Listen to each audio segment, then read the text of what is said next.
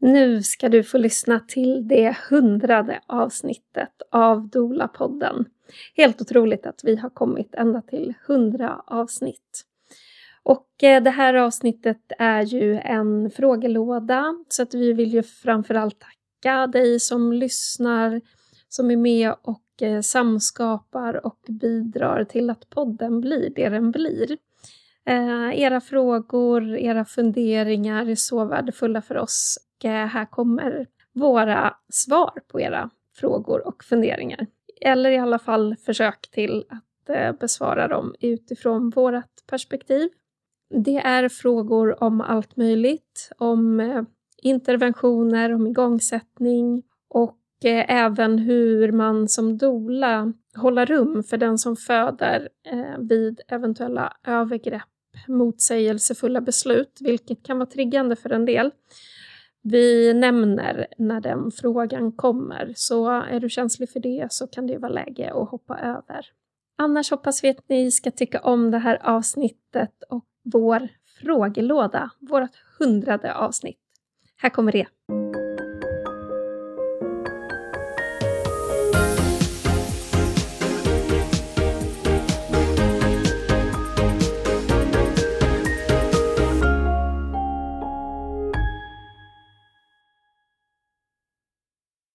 Hej och välkomna till Dola-podden med mig Åsa Ekman.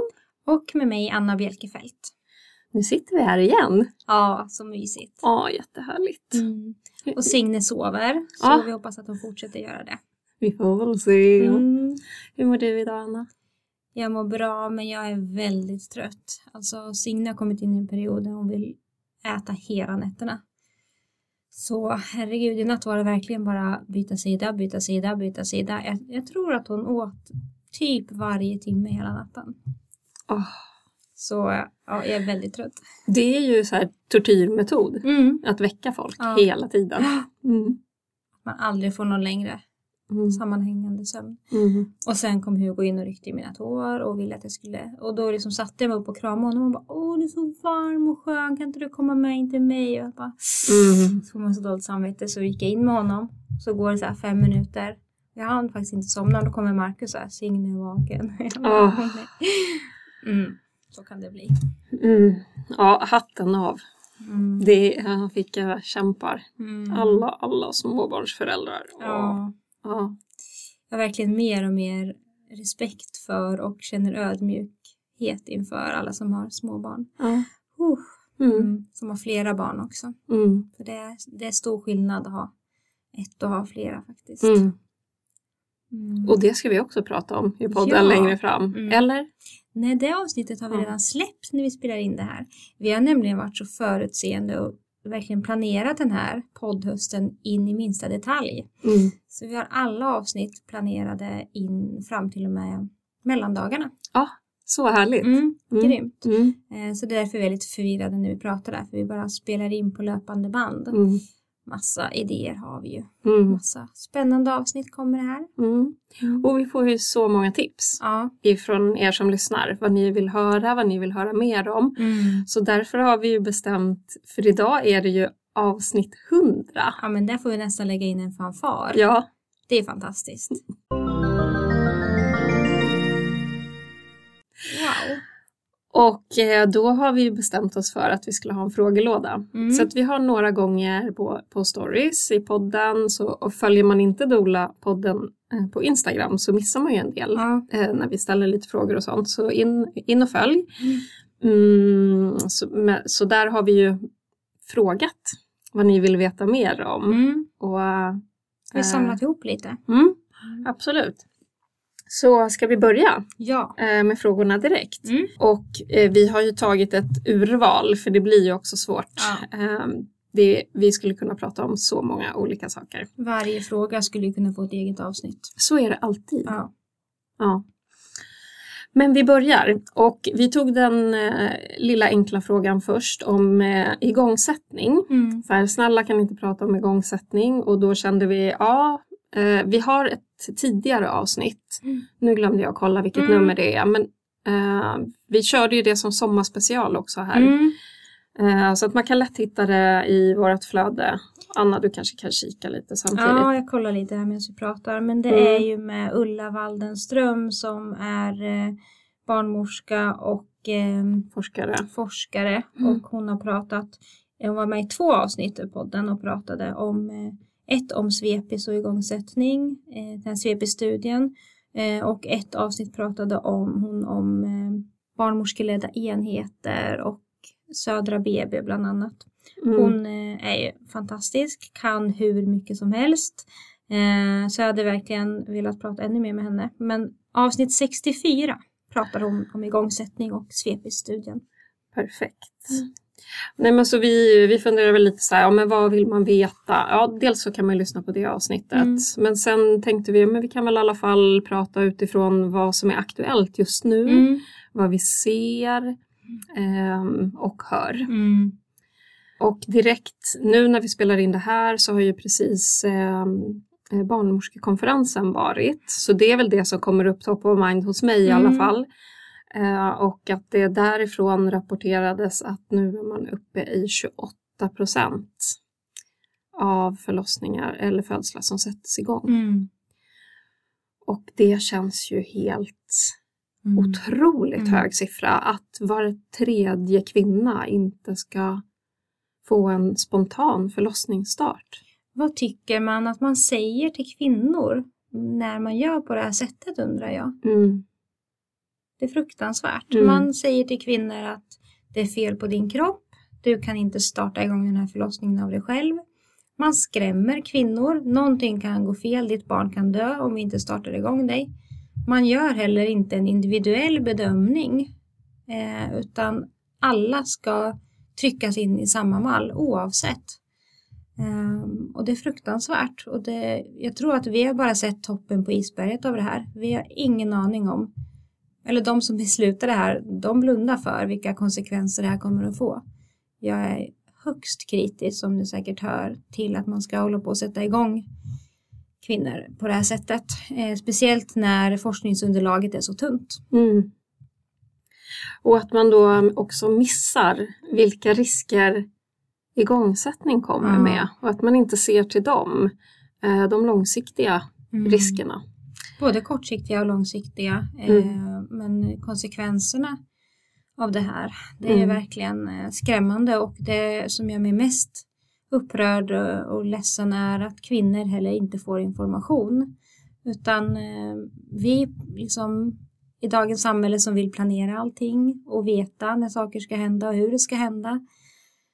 Tycker kanske många gånger att det är skönt att få ett datum. Mm. Jag tycker att jag har sett det flera gånger på Instagram från de eh, ja, lite influencers och så som ska föda. Eh, som bara, åh jag har fått ett datum, det här datumet kommer min son att födas. Eh, jag dömer inte någon för att man vill ta reda på barnets kön men om man bara ser allt plussa på varandra så är det så här, man, man måste veta vad barnet har för kön, man måste veta vilken dag barnet ska födas, man måste veta eh, att det blir antingen kejsarsnitt eller hemfödsel eller sjukhus. Alltså man måste veta allting i förväg mm. eh, och planera. Samtidigt så blundar man eller tänker inte att man behöver ta ansvar för, ja okej okay, en igångsättning, vad innebär det? Utan ja, jag rekommenderar verkligen alla er som lyssnar som är gravida att ta reda på vad en igångsättning innebär. Ställ frågor, var jobbig och verkligen ligg på. Mm. Ehm, och kom ihåg att det är en rekommendation ja. Som man gör baserat på eh, alla. Mm. Alla kvinnor i samhället. Mm. Eh, men alla kvinnor eh, behöver inte, Nej, absolut inte. den här rutinen. Nej. Och vi, vi har ganska nyligen börjat tipsa de som vi dolar som möter det här att man just ska ställa lite frågor. Mm. Eh, och eh, en av de frågorna är ju just att varför föreslår ni det här mm. just för mig? Mm. Det är en jättevettig fråga. Vad är den medicinska indikationen mm. som ni avgör att, att jag behöver det här? Mm. Det är en jätteviktig fråga och eh, att man också är två där som lyssnar.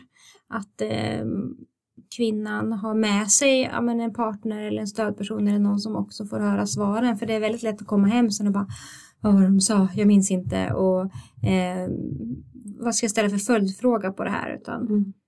att man är flera öron. Mm.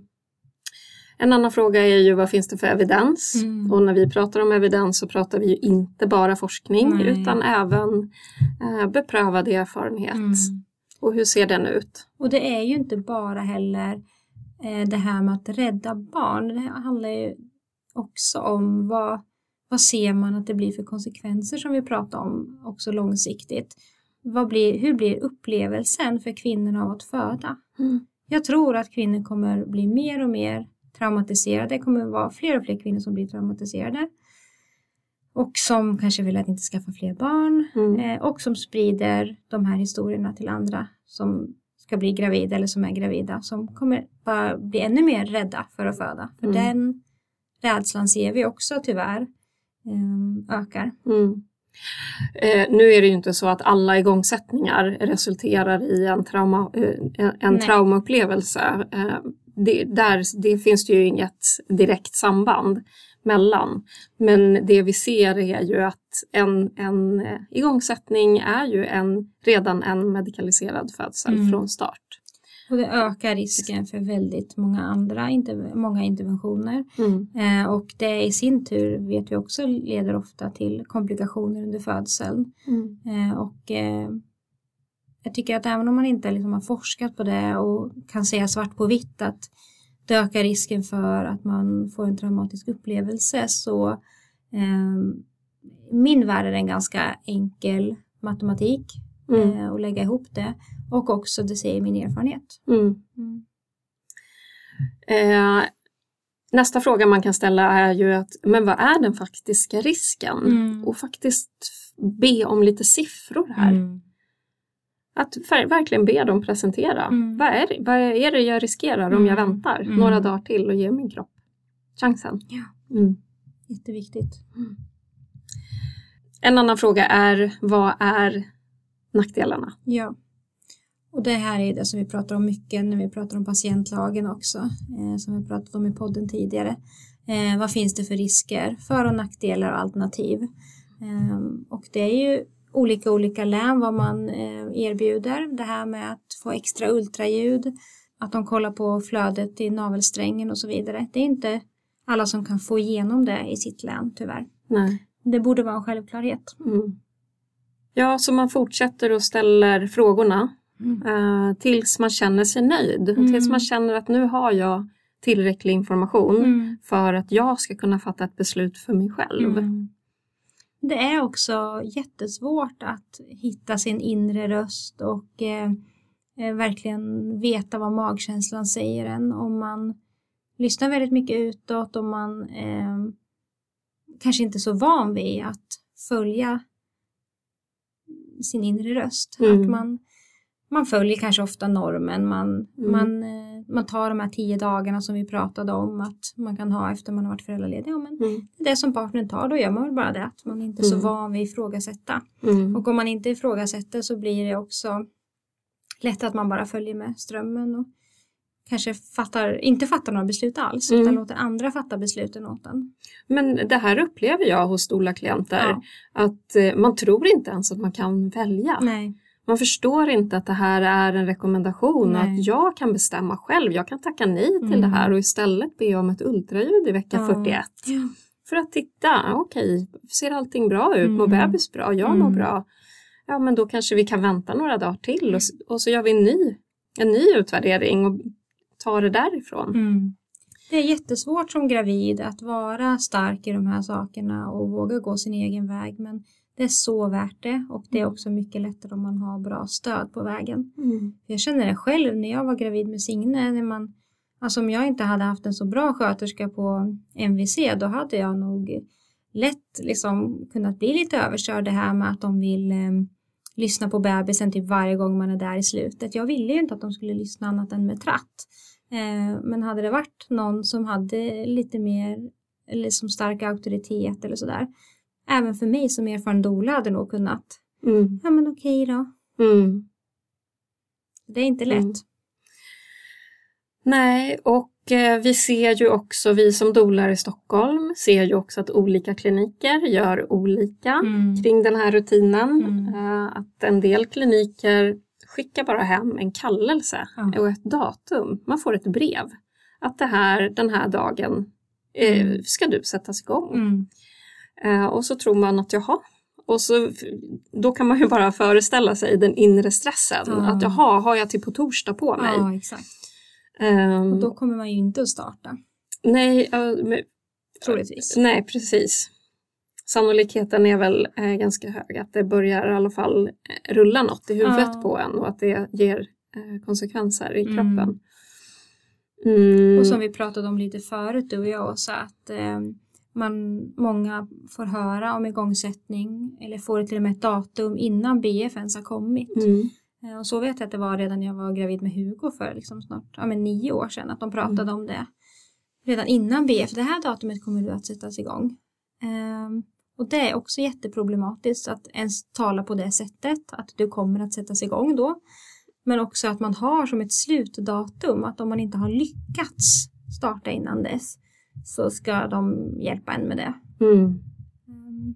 Ja, det är väl de stora grejerna som vi ser nu ändå. Mm, men om det här med att ställa frågor kommer jag på. Ja. Att eh, om man ändå beslutar sig för att gå med på eller liksom tycker att nej, men jag vill nog ändå bli igångsatt. Mm. Eh, att då ställa fler frågor utifrån det. Att man så här, men, vilka igångsättningsmetoder finns?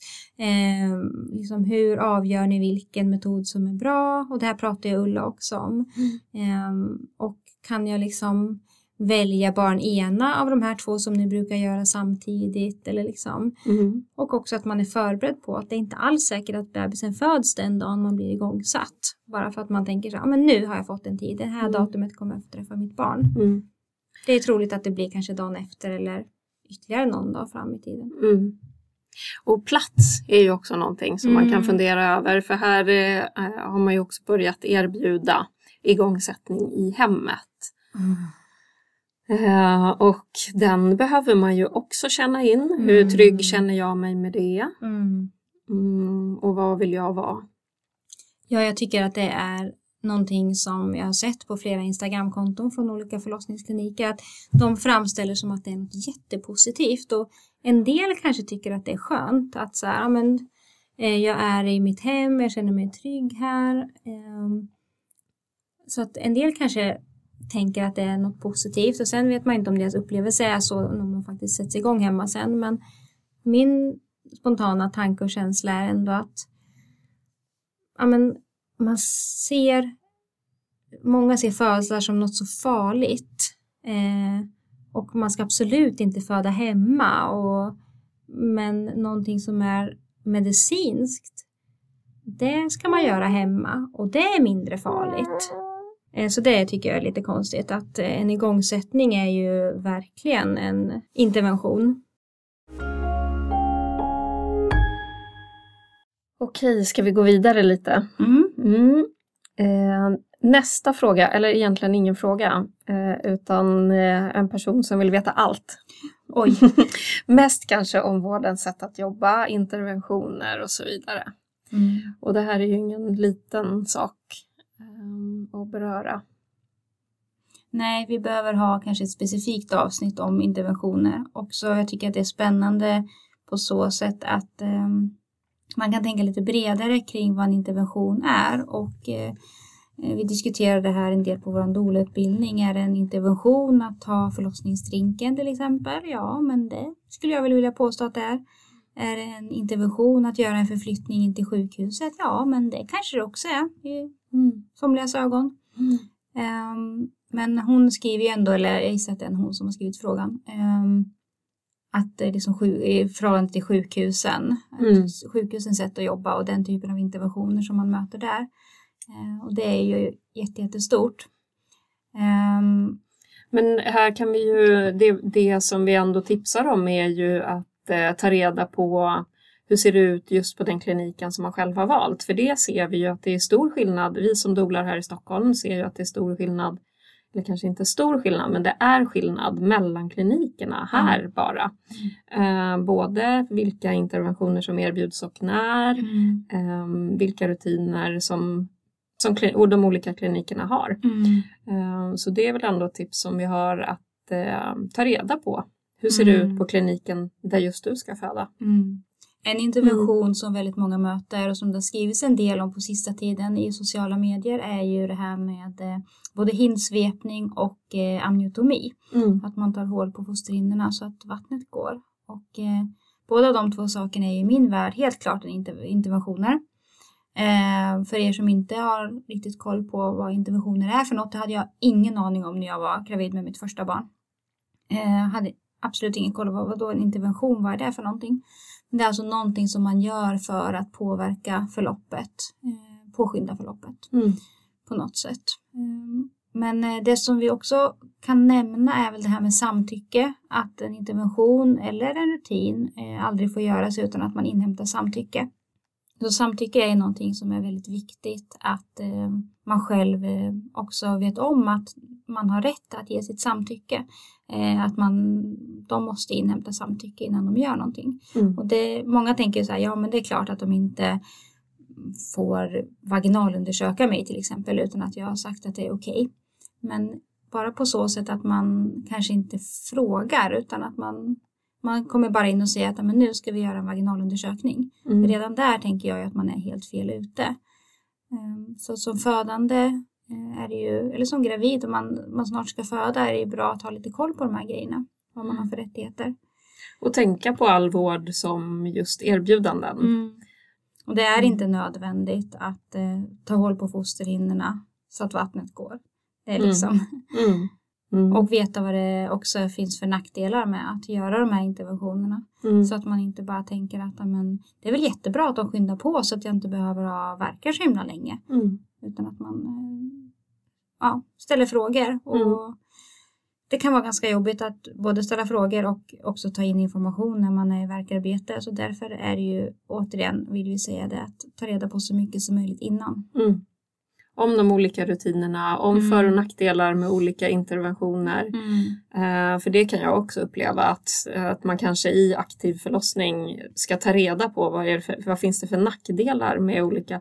Dels att man kanske inte får hela bilden. Nej. Att man faktiskt inte får informationen Nej. som man har rätt att få för att kunna fatta ett, ett bra beslut i det, stunden. Det möter vi ganska ofta. Mm. Att Så det här... kan säga bara nej men det är ingen, inga risker med det. Mm. Och det här är ju någonting som vi jobbar mycket med med våra doula-klienter. Mm. Att så här, ge verkligen all, all, all information mm. så att man kan mm. fatta ett eget beslut. Mm. Hur man känner inför olika. Och att man då innan man kommer eh, till födseln kanske har en förförståelse med sig in. Mm. Uh, underlättar ju så himla mycket. Mm. Jag vet inte riktigt hur vi ska diskutera vidare kring den frågan. Nej, Nej men det är svårt för oss att så här, eh, ge något generellt svar på hur, vårdens, hur vården jobbar. Mm. Eh, men vi kan, ju, vi kan ju i ett annat avsnitt kanske spela in kring de olika interventionerna ja. och hur man kan tänka kring det och ja. eh, vilka för och nackdelar som, som vi ser. Mm. Eh, både inom forskning och vad det finns evidens för mm. och inte men också vad, vad erfarenheten säger. Mm. Precis som när vi pratade om eh, igångsättning så är ju hinsvepning en sån grej som ofta görs som en första, ett första sätt att försöka starta igång en födsel och Mm. bara veta om då att det här är eh, en intervention och det kan leda till en annan intervention som kan leda till en tredje intervention. Mm. Att ha lite koll på den också som kallas både för dominoeffekten och interventionskaskaden. Mm. Ja, eh, personen fick nog inte veta allt, men lite grann. Och Hoppas vad, du är nöjd. vad som är bra att tänka på i alla fall. Mm. Mm. Eh, nu kommer vi till en annan fråga eh, som kan vara lite triggande för en del eh, och kanske kan vara jobbig att höra. Men vi, vi gör ett försök. Mm. Eh, jag önskar att ni kunde prata om hur det är när man som doula bevittnar övergrepp eller felaktiga motsägelsefulla beslut från läkare och barnmorska. Att hålla rum för den som föder men ändå inte skapa dålig stämning i rummet. Mm. Och är man gravid kanske för första gången och får höra att aha, kan det ske både övergrepp och felaktiga beslut här Mm. eller motsägelsefulla beslut. Mm. Ja, tyvärr så är det ju så och att vi ser det. Mm. Men eh, hur ska vi då som dolor hålla rum för den som föder. Eller jag tänker också som stödperson. Mm. Det är inte mm. alltid man har en dola med sig. Nej. Jag tänker som vi jobbar, som vi nämnde nyss med de som, våra doula-klienter, att eh, förberedelsen är enormt viktig och det handlar ju inte om att, eh, man att vi inte litar på att kvinnan kan föda utan vi vet ju också att hon, de allra flesta föder inom ett system som inte ger eh, optimala förutsättningar och ibland inte ens bra förutsättningar för att kroppen ska klara av att föda. Eh, så därför är det bra att få så mycket information som möjligt innan. Eh, så att där kan ju vi som doula göra det största arbetet och den största skillnaden. Jag kan nästan tycka att det är vår viktigaste roll, eh, det vi gör på de förberedande samtalen.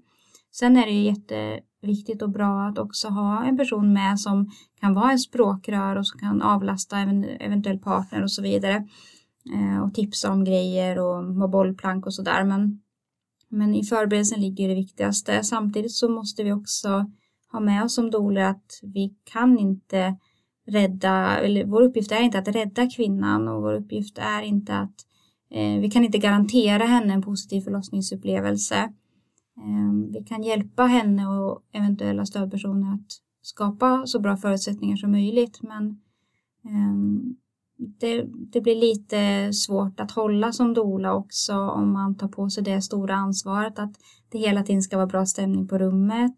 Eh, att liksom alla ska vara nöjda. Det är mm. liksom också det är ganska kvinnlig uppgift. Ja men det, det är ett ganska stort ansvar att ja. axla i den här situationen. Det är många personer som mm. kan vara inblandade.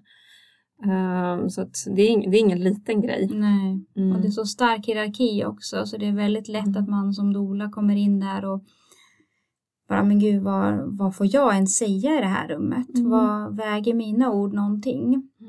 Um, och det är ju en avvägning och, um, när det är läge att bara låta det som sker ske och att gå in och stoppa och där tänker jag att man eh, lär sig av erfarenhet allra, allra bäst vilka lägen som är bra och sen beror det också på vem man träffar.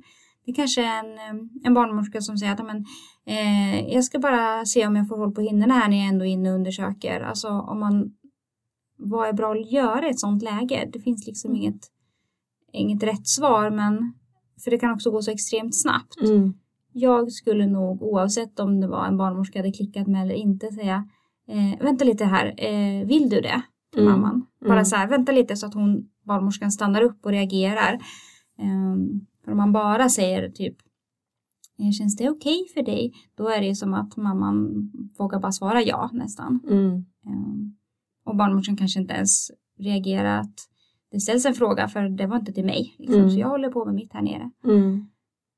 Och just att, att vi har gjort förbered förberedelserna tillsammans så mm. vet ju vi eh, innan vad kvinnan har önskat, i alla fall innan. Sen kan man alltid ändra sig mm. i stunden och det har man all rätt att göra kring mm. åt, åt alla håll. Eh, ändra sig åt alla håll. Men det tycker jag brukar vara ett bra sätt att göra det på, att vända mig till kvinnan. Att så här, ja så här kände du innan, hur känns det nu? Hur tänker du nu? Men också att man kan spela lite dum ibland. Om, även om man vet svaret på en fråga så kan man ändå ställa det till barnmorskan. Men men eh, om vi väntar med att göra vaginalundersökning, vad, gör det någonting? Eller liksom, mm. eh, är det okej okay att vänta med droppet eller tror du att det liksom eh, kommer stanna av nu för att hon fick en epidural till mm. exempel?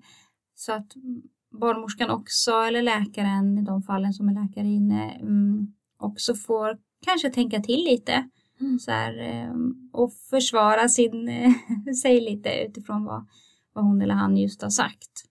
Eh, där ser jag mig som en så här liten eh, bilder av något slag så här att jag bara, nej men jag har fler uppgifter i det här rummet än att bara typ finnas där för mamman. Det är mm. så här, och det behöver man inte ha som dola. Det är jag, min personlighet och min vilja att försöka på små, små sätt förändra systemet. Att mm. så här, bara väcka dem lite och så här, men varför gör vi det här ens? Måste vi? bara för att vi alltid har gjort det. Mm. Och det är så viktigt att ha med sig. Mm. För ofta, det är väldigt sällan någonting är bråttom. Nej, precis. Så att när något föreslås, vi kan alltid be om mera tid. Uh, och det är någonting som jag använder mig av i alla fall. Att vill ni ha lite tid att fundera mm. och sådär och så kan de lämna rummet och så får, får man prata ihop sig hur, hur man känner. Mm. Uh, så tid kan man alltid be om mm. så länge det inte är någonting akut. Och det är de lägena som gör det väldigt svårt, de akuta lägena. Och jag kan säga några tillfällen som jag varit med om när jag i efterhand har insett att det här övergrepp, det var lite mer i början när jag dolade, jag inte hade så mycket kunskap och erfarenhet, men det här med eh, levatorpress till exempel, att barnmorskan går in med fingrarna i vaginan och töjer och bänder, alltså det väcker så starka känslor i mig. Jag, jag mår liksom fysiskt och psykiskt dåligt när jag ser det nu. Mm. Eh, men då var det lite mer så här i början, men jag, jag kände ju att det var lite, lite såg obehagligt ut och det såg ut att göra ont och sådär, men, men det var ändå som att säga, ja men det är väl så man gör liksom. Jag visste mm. inte så mycket mer. Mm. Um, de lägena kan det ju vara jättesvårt att så här eh, liksom vad man ska säga men som du sa Åsa, man, man vänder sig till kvinnan och försöker få något mm. svar från henne. Mm. Samtidigt är hon i ett utsatt läge, speciellt om hon ligger på rygg och är någon i hennes underliv. Mm. Hur lätt är det att liksom säga nej och stopp då? Det, är mm. ju, det handlar ju om vilken traumarespons man har. Mm. Att man kan hamna i ett freeze mode där. Mm. Ehm, men samma det här med att ta prover på navelsträngen. Ett flertal gånger i bön jag dolade att de liksom jag sa att nej men de vill inte det och de fysiskt puttade undan mig och tog proverna. Ehm, och alla de kvinnorna hade inte ens uppfattat att de här proverna togs.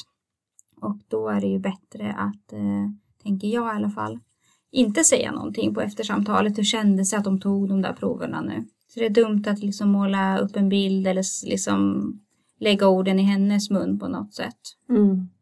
Men det är också det här med krystfasen, det kan jag fortfarande tycka är jobbigt när jag dolar. Det är väldigt vanligt att eh, barnmorskan vill eh, att kvinnan ska forcera krystfasen. Jag tycker att jag möter det alltså, så ofta fortfarande. Jag förstår inte hur liksom, hur lite kunskap det finns kring det fysiologiska födandet. vad, vad händer i kroppen när man föder? Alltså, man måste inte ta ett djupt andetag och hålla andan och trycka på genom hela verken. Kroppen föder ju ändå. Men det är väl en blandning mellan en liten stress från barnmorskorna, att så här, det går snabbare om man trycker på allt vad man har, ofta liksom. Kanske inte alltid, men, eh, men det är också risk för att det blir en större bristning och då måste de sitta och sy längre sen istället. Så att, ja. Mm. Men i det läget tycker jag att det kan vara eh, jobbigt när barnmorskan säger åt kvinnan att hålla andan och man själv står bredvid och bara fortsätt andas, följ med kroppen och då kan mm. kvinnan mm. bli jätteförvirrad och bara ska lyssna på barnmorskan, ska lyssna på dolan och titta mm. fram och tillbaka, fram och tillbaka. Och där blir ofta, eh, i efterhand har jag upplevt att ofta blir frågan sådär att, att man tror att det är akut. Ja. Eh, och den bedömningen kan inte vi göra. Mm, så att den blir ju också knepig. Mm. Eh, så där brukar jag snarare fråga så här, men mår bebisen bra? Och, och, så får, då får kvinnan höra det. Mm. Eh, och så förstår hon själv att, här, att, jag kan, att man kan följa, mm. följa kroppen mm. snarare än att det börjar bli bråttom att bebisen ska komma ut. Precis. För det är alltid den där balansgången, i alla fall tycker jag det. Jag har inte dolat lika länge som du. Så att det, jag är helt säker på att det också kommer med erfarenhet. Just den här bedömningen om det är någonting som är akut. Mm. Och varför görs det här mm. just nu mm. trots att hon kanske inte vill. Uh, men det, det som vi alltid kan göra är ju att förstärka hennes röst. Mm. Vilken den än är. Mm. Ibland kan det också vara att ligga lite steget före om man märker på kvinnan att hon är på väg att börja få krystverkar. Att liksom försiktigt bara så här, vilken position vill du vara i? Och ibland kan ju det vara jättesvårt att säga, vadå jag håller på att kryssa? Eller liksom, mm. de inte alls kanske kan svara på det, eller det spelar ingen roll. Eller liksom. Eh, men det är inte heller helt ovanligt när kvinnan börjar krysta så vill barnmorskan ha upp henne i sängen. Eh, mm. På sidan eller på rygg och kvinnan kanske inte alls har tänkt det innan. Eh, har kvinnan varit tydlig med mig innan att så här, men jag vill absolut inte föda på rygg eller på sidan eller jag vill absolut bara föda på knä, då kan ju jag ju direkt hjälpa henne när hon börjar krysta. Att så här, kom och ställ dig på knä, liksom, för att jag vet det redan. Um, men jag frågar också alltid så här, men mår bebisen bra? Uh, ja, säger barnmorskan. Så här, är det bråttom av någon anledning? Så här, nej, ja, men uh, då, då har hon sagt till mig innan att hon helst eh, vill krysta spontant. Så då kan jag liksom hänvisa till det hon, mamman har berättat, eller kvinnan har berättat för mig innan och jag kan förmedla det till, till barnmorskan. Men alltså de här när det är liksom övergrepp och sånt, det är ju jätte, jättejobbigt och där måste man ju ha sett själv, liksom ha sina egna sätt att hantera det i efterhand också. För det, jag vet flera gånger när jag har kommit hem och liksom gråtit och varit utom mig och bara så här, men hur kan det här ske? Liksom? Mm. Mm. Hur kan man göra så här mot kvinnor eller mot människor överlag? Det är liksom vidrigt. Mm. Eh, så där måste man ha sina metoder, prata med andra mm. doler och eh, hämta hem sig själv på ett eller annat sätt. Mm. Men också att, eh, att ta kanske en, en, promenad ute och bara rensa tankarna och också så här, men nu känner jag de här känslorna, det är skitjobbigt men vad kan jag göra med det mm. när, när de har fått komma ut? Mm. Och också vad vill jag göra framåt? Mm. Hur tar jag med mig det och vill göra annorlunda mm. framåt? Jag kan också mm. vara ganska hård liksom eh, om det är eh, något alltså, vad ska man säga, hård, men väldigt direkt mot de som jag dolar. Om det är en mamma eller en, ett par, som, en familj som jag har väldigt bra kontakt med speciellt, då känner jag ju också mig trygg i att vara eh, 100% ärlig. Så att om det har kommit in en barnmorska eller läkare och sagt någonting som jag vet är helt felaktigt, mm. när de går ut sen, då säger jag till paret, så här mm. tänker jag kring det här som de just sa. Mm. Och då får ju de ta ställning liksom eh, vad de känner. Det handlar ju mer om vad man har för magkänsla i det här läget än vad som mm. kanske är rätt och fel. Mm. Och där får man också känna av, för mm. personen som har frågat var ju också det här att, man, att vi inte skapar dålig stämning i mm. rummet och det får man ju också känna av i situationen. I vilket läge är vi och är det läge att säga någonting nu eller inte? Mm.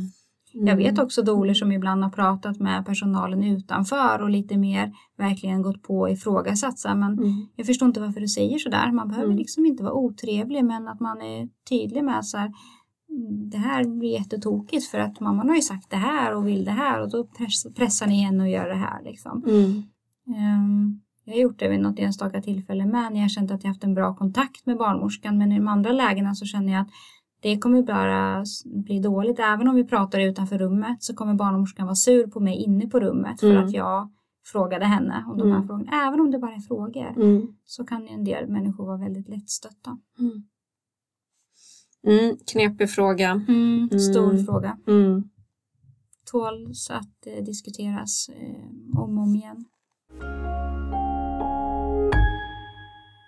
Eh, nästa fråga kanske mer är ett eh, tips som vi har fått in ifrån en eh, lyssnare på ämnet när partnern har en laissez-faire attityder eller att ja, vi tar det som det kommer, vi får väl hjälp när vi kommer in och så vidare. Mm, hur man kan hjälpa partner där att ta en mer, en mer aktiv roll i förberedelserna. Mm. Och då fick vi tips där om att gå igenom förlossningsbrevet tillsammans eller till och med ha ett eget mm. förlossningsbrev som partner. Mm. Jättebra tips. Mm. Jag tror liksom bara tyvärr att det krävs ganska mycket stöd för partnern att faktiskt skriva det här förlossningsbrevet, veta vad man ska skriva, hur man ska skriva, vad är viktigt att ha med.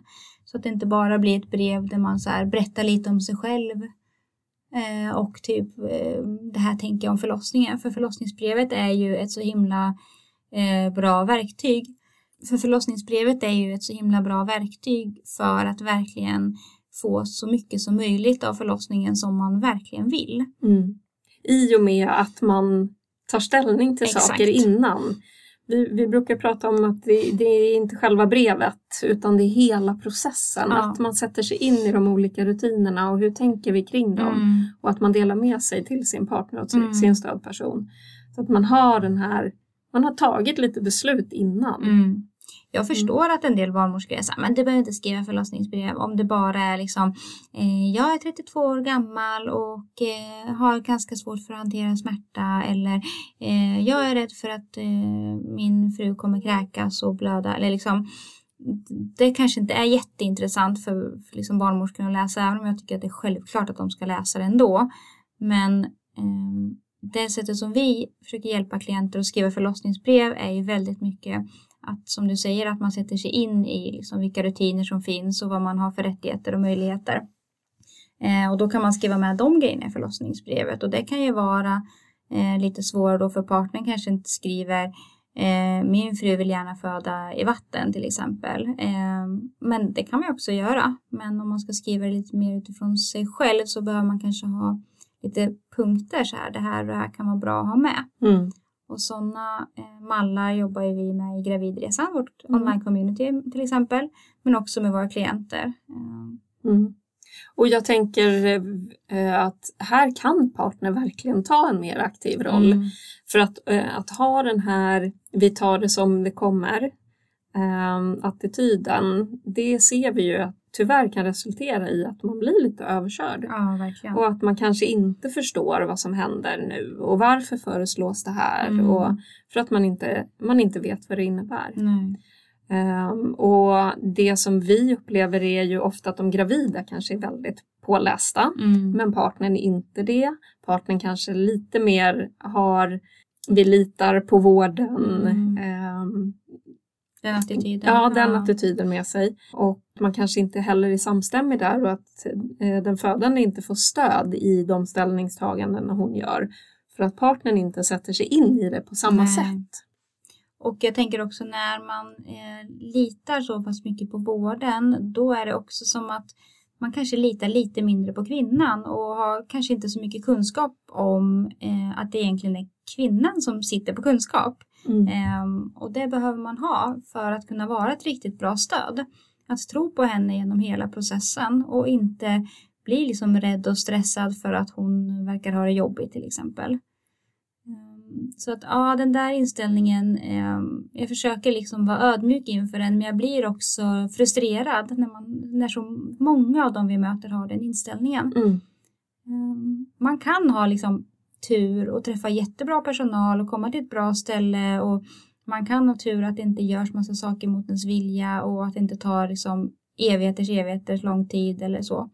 Men eh, chanserna är inte jättestora, mm. eh, säger jag utifrån erfarenhet. Mm. Så verkligen eh, sätta sig in i så mycket som möjligt. Mm. Ofta kommer man sen till en punkt där man bara, nej men gud nu kan jag inte sätta mig in i mer. Mm. Men bra, då har du antagligen läst på jättemycket. Mm. Men för många tycker jag vifta bort det med och säga att men, det är så overkligt och mm. eh, liksom jag är inte där än eller liksom mm. det är hon som ska föda eller mm. Eller att man fokuserar på det praktiska. Ja. Köper grejer och ser till att mm. babyrummet är klart. Och det är klart att det känns overkligt om man inte läser på. Mm. Man kommer inte förstår kännas, vad det innebär. Nej, det kommer inte kännas mer verkligt när man kommer till förlossningen bara för att liksom Nu händer det. Nej. nej. Snarare tvärtom. Ja, det, vi, vi gör ju ingenting så här stort utan att förbereda sig. Nej. Jag tänker om man, så här, andra stora händelser vi gör i mm. livet, så här, bröllop mm. eller ja, det är ju månader av förberedelser mm. ofta. Det är inte som att mm. man säger, nej men jag övningskör inte innan jag ska ta, göra uppkörningen för det känns så overkligt. Jag tar det som det kommer. Ja, precis.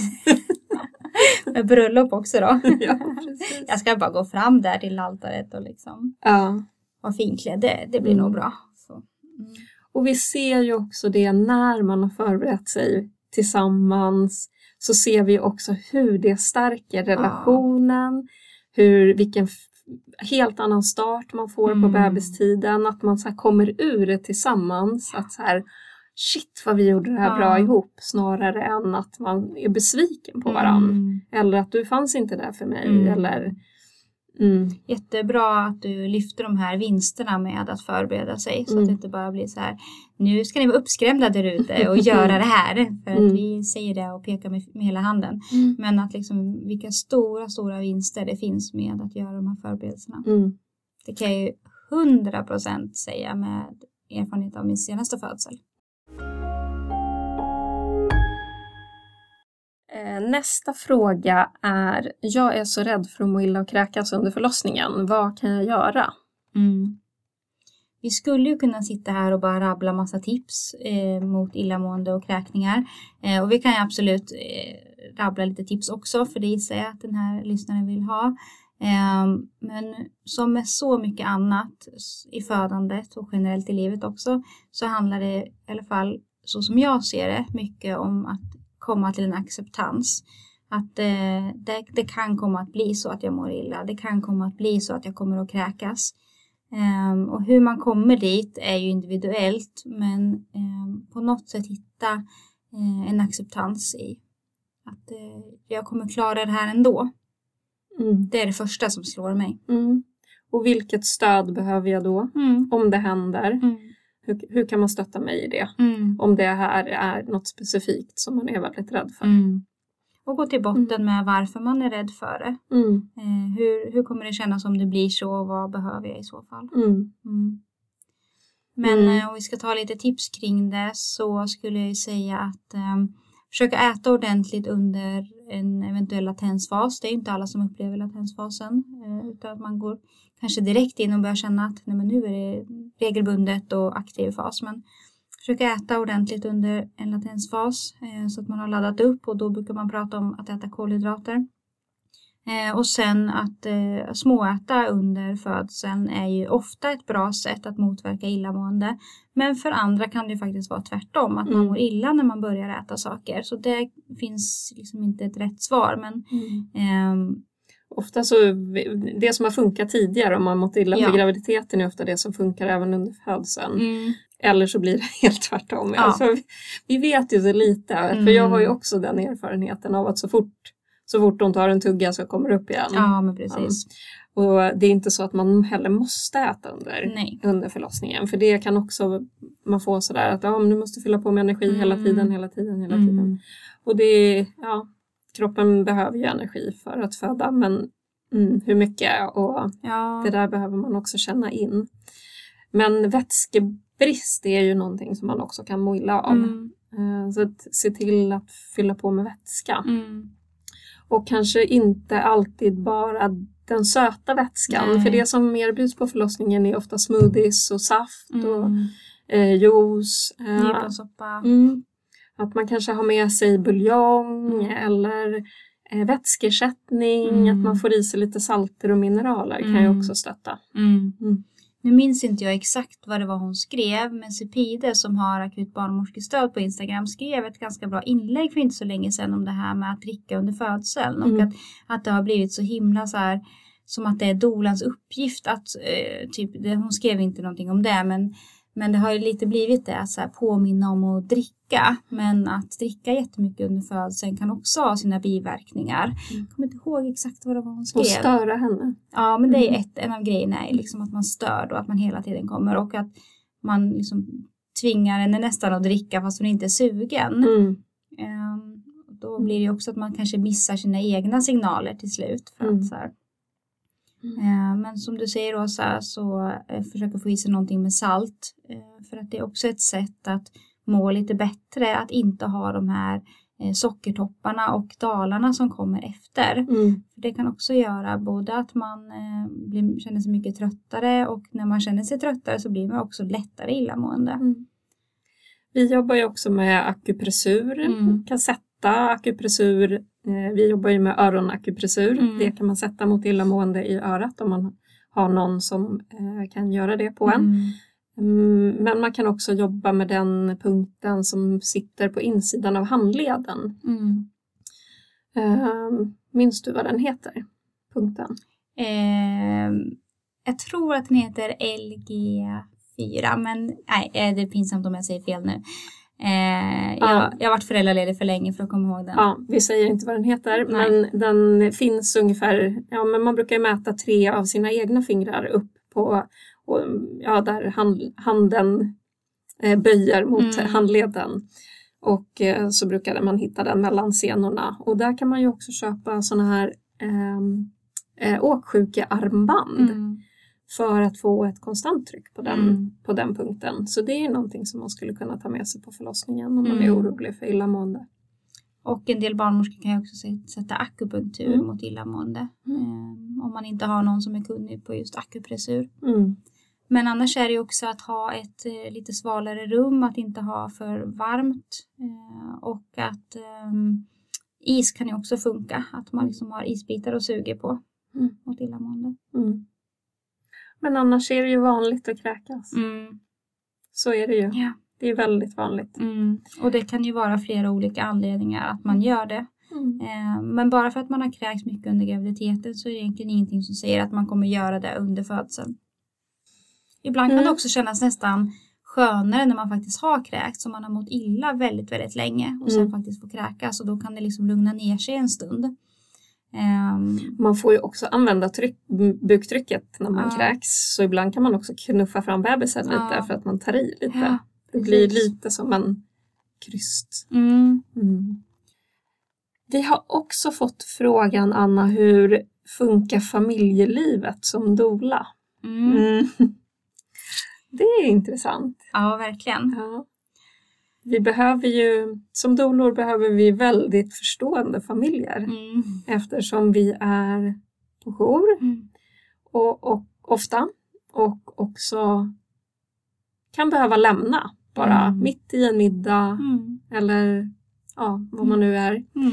Eh, det är inte helt lätt att planera semestrar eller ganska lång framförhållning behöver vi ju mm. i våra, i våra planeringar.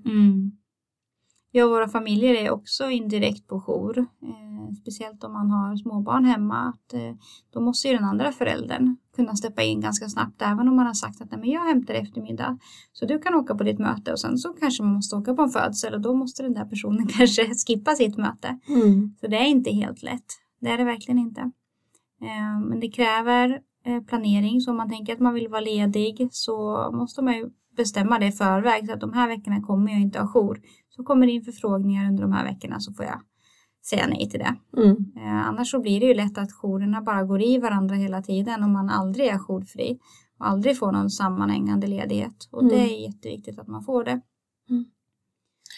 Vännerna tycker jag också är i allra högsta grad mm. inblandade. Det är inte bara familjen utan det är alltid sådär. Mm. Ja, välkommen på middag men jag har jour.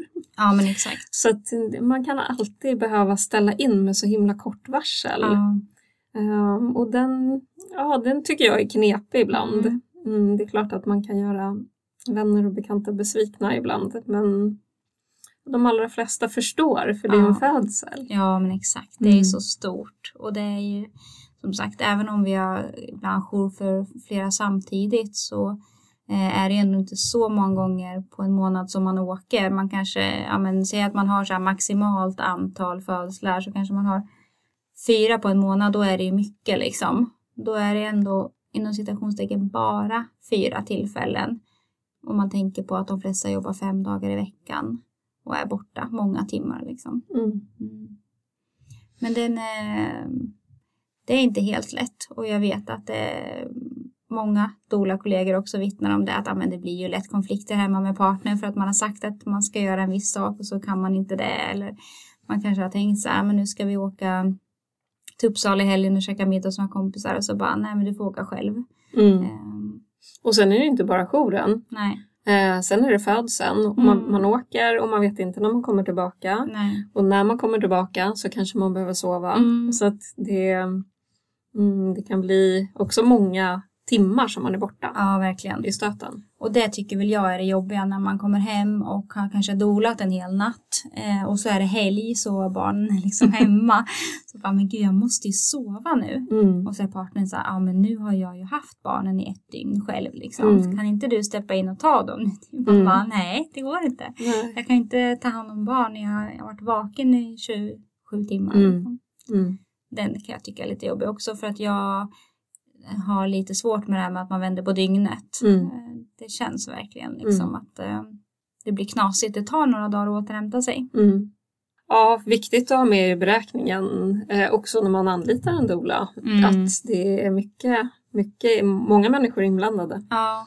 Mm. Det är inte mm. konstigt att eh, vi tar betalt och då skulle jag inte säga att vi är dyra. Nej, inte kanske för den tiden som vi är standby och eh, faktiskt på födsel. Nej, men exakt. Mm. En sista fråga är eh, min partner tycker att dola är onödigt. Mm. Ja, den möter vi ju ibland. Mm. Mm. Ibland får vi ju mejl från kvinnor som jag vill jättegärna ha en dola men min man vill inte det. Mm. Och vad säger vi då Anna? Oh, säger vi då.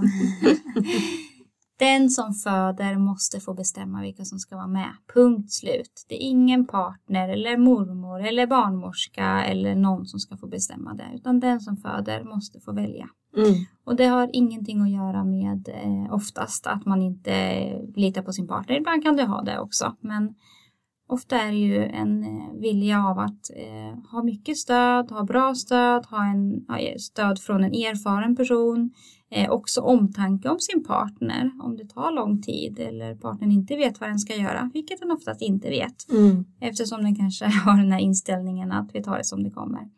Så att det, ju, det, måste ju få vara upp till kvinnan. Men i de lägena så tycker jag att det funkar ganska bra att man har ett uppstartsmöte och pratar tillsammans, dola, eh, partner och kvinna. Eh, de allra flesta partners fattar efter uppstartsmötet vad en dola gör och mm. att den inte kommer ta din roll och eh, kommer kunna vara jättebra stöd för er båda. Så mm. de allra, allra flesta vinner man ju över. Alltså, mm. Och det gör man ju för kvinnans skull. Alltså, man vill att hon ska få det som hon önskar. Ja, och att partnern ofta förstår, precis som ja. du säger, att det här kommer bli ett stöd även för mig. Mm. Eh, för jag kanske heller inte har varit på en födsel förut Nej. och vet hur det här går till, hur det går till Eh, ofta kan man ju vara ett bra stöd för varandra i vardagen mm. men att vara ett stöd för en kvinna som föder det är någonting helt annat. För det, och det kan vi ju möta hos kvinnor ibland också att nej men min man han är så lugn, jag ja. känner mig så trygg med honom. Mm. Eh, och ja, så kan det ju vara i vardagen mm. och det är ju mm. toppen. Men i födande situationen, det är mm. någonting annat. Absolut. Mm. Ofta kanske partnern också tycker att det är en onödig kostnad. Ja. Och ja, det kommer ju med, en dola kommer ju med en kostnad. Mm. Eh, det finns ofta också doler i olika prisklasser.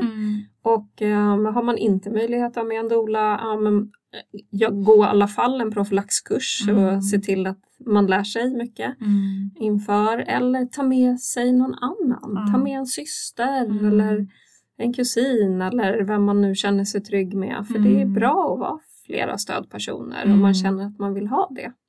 Men jag tänker det här att eh, man har inställningen att ta det som det kommer. Det kan ju också bottna i en liksom stress eller oro eller rädsla kring hur födseln, födseln kommer att gå. Eh, och då tänker jag att eh, det kan också vara en anledning att många partners ändå accepterar eller liksom förstår anledningen när de sen pratar med en dola. Varför är det bra att ha med en dola på födseln? Mm. För då kanske de kan släppa lite den här oron och stressen att så här, jag har inte läst på och liksom och det är inte att man som dola ska liksom göra så att partnern inte förbereder sig. För att en del kan vi ändå märka blir lite så här kanske slappa då så här, men du kommer ju ändå vara med liksom. Då får man ju vara där och pusha lite. Att åtminstone lyssna på de poddavsnitten som din partner skickade dig och vill att du ska lyssna på. Eller åtminstone läs just den här boken. Alltså att man ändå inte går in som dola och tar över ansvaret. Att men nu, nu, har vi en, ni har ändå mig med nu så ni kan slappna av. Liksom. Mm. För då är man lite ute på halis. Mm. Ja, det är mycket finare om de känner att de har gjort det här tillsammans ja. och man själv har varit en bifigur ja. bara som kanske har suttit i ett hörn mm. eller eller just de här förberedelserna. Mm. Att vi gör förberedelserna tillsammans så att man kan ta ett steg tillbaka ja. i födanderummet. Mm. Det är ju fantastiskt. Mm. Jag känner igen mig själv i det, liksom att när jag började dola så ville jag jättegärna liksom vagga in paret i att de skulle eh, känna sig trygga inför födseln eh, och liksom så här, men, lugna dem i, de var rädda, så här, men jag kommer att finnas där och liksom Eh, det är klart att jag fortfarande vill att de ska känna sig trygga inför födseln men nu har jag väl mer landat i att det är inte min uppgift att se till, liksom jag kan inte ta det hela det ansvaret mm. och jag kan inte lova dem någonting som jag inte vet. Ja, jag tror att det är de frågorna som vi hinner med idag. Mm. Mm. Eh, inte så stor frågelåda men ändå mm.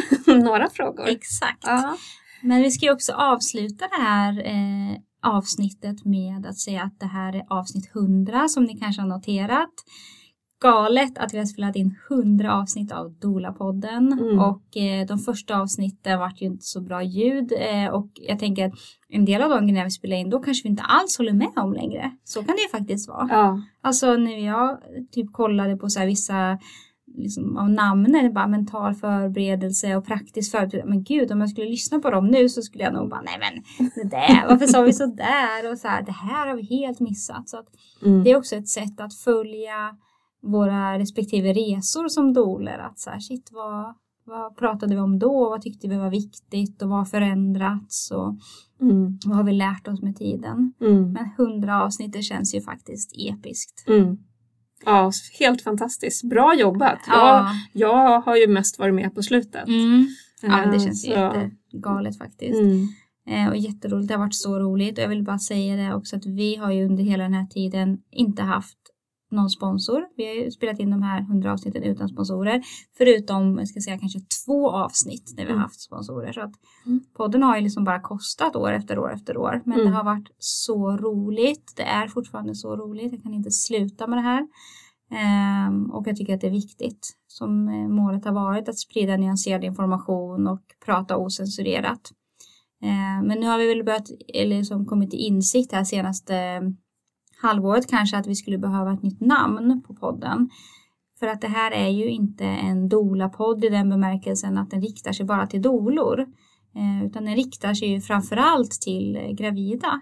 Mm. Eh, och då har vi klurat jättemycket på namn, mm. du och jag Åsa framförallt.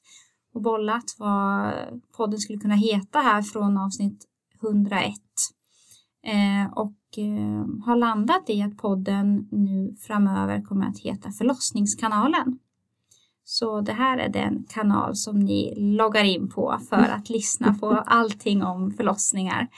Mm. Um, och från början hade vi tänkt födslokanalen för vi tycker inte riktigt att eh, förlossning är ett ord som vi vill använda och vi använder ju i princip inte det någonting med de vi dolar. Vi, vi pratar ju mest födsel och ja. födslar. Och, mm. Mm eh, vattenfödsel och kejsarfödsel och så. Men mm. eh, sen tänkte vi nog ändå att folk kommer nog ha lättare att hitta oss om mm. vi använder ordet förlossning och det är liksom ändå det som är lite normen som man använder. Mm. Eh, så det är ju ett sätt att valet landade lite i det här just för att vi ska nå ut till fler och hittas av fler. Mm. Så att vi kan fortsätta podda och eh, fler vill lyssna på oss. Mm. Och att informationen framförallt ska komma till ja, de gravida. Verkligen. Mm det är ju hela, hela syftet och hela mm. tanken och anledningen till att vi mm. gör det. Mm. Och vi vill ju jättegärna ha fler Patreons så man kan gå in på patreons.com och söka upp våran podd eh, och välja vad man vill donera eh, månadsvis. Eh, och vi har typ bara fyra eller fem patrons tror jag. Fem patrons tror jag. Mm. Och när jag mm. sa det till en, en, som lyssnade, hon bara, men gud, har ni inte fler? Då måste jag genast gå in och bli patrons. Mm. Så nu nämner jag det här bara till er kära lyssnare. Jag vet att vi mm. ändå har ganska många lyssnare nu. Eh, och det vore toppen om vi i alla fall kunde gå plus minus noll med ja, podden. Ja, det vore fint. Mm. Mm. Men vi är så glada att ni lyssnar på oss. Och eh, vi ses på andra sidan tänkte jag säga. på andra sidan förlossningskanalen. Exakt. ja. Så från och med nästa avsnitt. Mm. Nytt namn. Ja, så oh. kul. Ha det fint så länge hörni. Tack för idag. Tack för idag.